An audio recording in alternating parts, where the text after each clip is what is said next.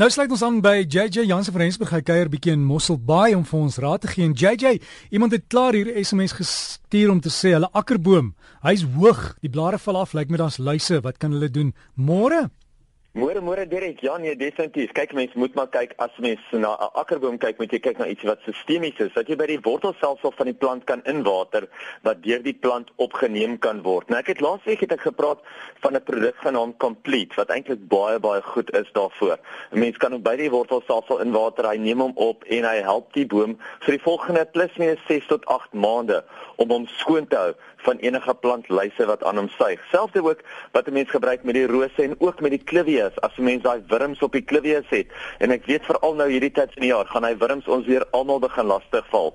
So behandel eerder die bome vroegtydig al met kompleet, dan weet jy dat jy nie daai probleme gaan hê nie. En JJ van die cypressbome, die gogga wat hom eet, hulle eet mos in die winter en dan in die somer hier aan die begin van die jaar dan dan wys die die probleem of hierdie tyd van die jaar dan sien jy die takkies begin afval.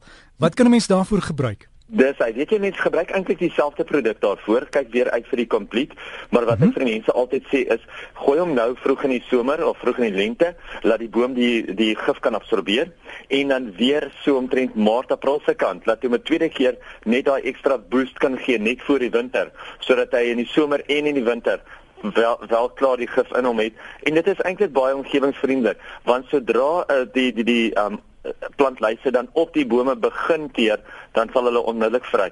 So dit is nie net 'n mens baie gereeld moet spuit nie, dit is dat daar baie gif dan in die omgewing is nie, maar dit is net om daai boom en in die boom self. Hm. En JJ, die ander ding wat ons hierdie tyd van die jaar in die tuin kan doen?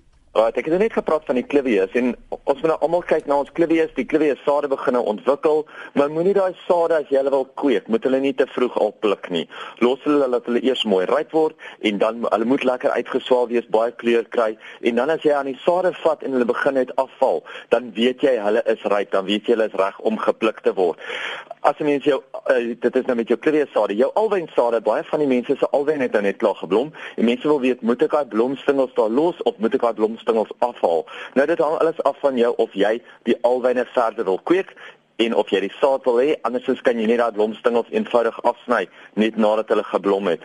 Hierdie tyd van die jaar is dit ook 'n baie baie lekker tyd om steggies te kweek. En onthou, as 'n mens steggies kweek, dan moet 'n mens kyk na jou nuutste groei op jou plant, nie die sagste sagste nie, maar dit wat nou omtrent so 2 of 3 weke oud is. Jy vat daai laaste 2 of 3 knope jy sny meeste van die blare af, jy druk die onderste twee knope, druk jy in 'n hormoonpoeier en dan plant jy dit in 'n lekker sanderige veen mengsel.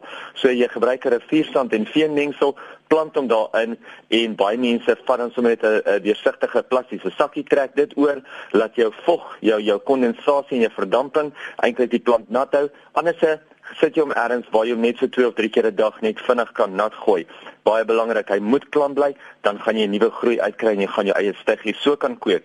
Mense wil altyd weet, veral nou met die rose wat so pragtig in blom is, wat moet ek my rose voer om hulle in blom te hou tot en met Kersfees? En kyk nou na ietsie soos byvoorbeeld of 'n 315 of 'n 815. Ek is natuurlik baie lief vir die 815 want hy werk baie vinnig. As jy hom vandag gooi, binne 'n week of wat sal jy sommer dadelik die resultate sien en sien hoe pragtig jou plante floreer.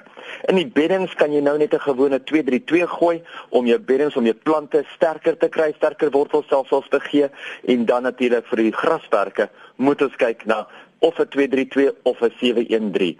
So as jy voel jou grasperk het baie ekstra groei nodig om digter te word, om dikker te word, dan gaan jy vir hom 'n 232 gooi.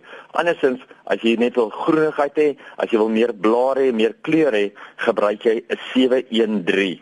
Soos ek nou rondry sien ek ook geweldig baie proteas wat in blom is. En baie mense vra vir my nou, wat kan ek my protea voer om hom in blom te hou? En die antwoord is eintlik niks. Proteas hou nie daarvan om gevoer te word nie. So al jou Kaapse fynbos, al jou Kaapse flora, los hulle eerder net soos hulle is. Gee eerder vir hulle 'n deklaag suurkompos. Dat iemand vir my gevra wat is suurkompos? Onthou suurkompos is 'n kompos wat nie suur geword het nie. Dis 'n kompos wat 'n laer pH het. So jy koop hom by 'n kwekery as 'n suurkompos of jy kan ook 'n suur veenmos gebruik. Dit hoef nie altyd 'n suurkompos te wees nie. Laaste enetjie is vir mense met doringbome. Ek weet hierdie tyd van die jaar is al die voeltjies besig om nes te maak in die doringbome en veral in die doringbome ruk die voëls heeltyd al die blare af. En mense wil altyd weet wat kan 'n mens daaraan doen? Nou daar's ongelukkig nie baie wat jy daaraan kan doen nie. Tensy jy ergens in die boom 'n paar laserskywe of speeltjies of selfs 'n paar rubberslangetjies in die boom kan gooi, kan jy so van die voëls ontslaa raak. Maar ek sê altyd as die voëls jou pla in jou doringboom, plant nog 'n doringboom, gee hulle nog meer nog meer spasie om nes te maak. Ja, JJ ek stem saam met mense moet leer om saam met die natuur te leef want ek by myself het vinke wat nes maak en hulle doen juist daai met die doringbome, maar ek kla nie daaroor nie want ek kyk wat hulle doen en dit is vir my ongelooflik as jy sien hier kom die ouetjie, hy kom by sy vroutjie die nes en dan pluk sy met mekaar en dan begin hy weer. ja nee definitief. Ag maar dit is soos jy sê, ons moet net leer om daarmee saam te leef.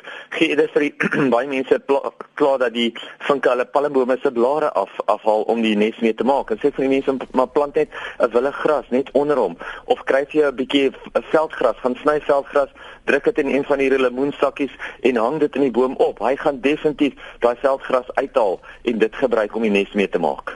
JJ mense wat wil kontak maak vir jou wil e-pos, julle webtuiste dan kom ons my e-pos te stuur na JJ by Gardenwold toe. Net dis JJ by gardenwold.co.za hulle kan gaan loer op ons Facebook bladsy Gardenwold Nursery en so kan hulle met my kontak maak en ek groet jou hierso uit Mosselbaai uit. Geniet dit daar in Mosselbaai. JJ het vir my gesê dit was koud toe hy daar aangekom het. Ek hoop dit raak nie te koud nie en dit sal beter vandag. Onthou daai webtuiste en die ene waar jy vir JJ kan kry sy inligting dis by gardenwold.co.za en daarvan af kan jy hom ook e-pos. Is JJ by gardenworld.co.za. Anders op Facebook Gardenworld Nursery. Lekker tuin maak.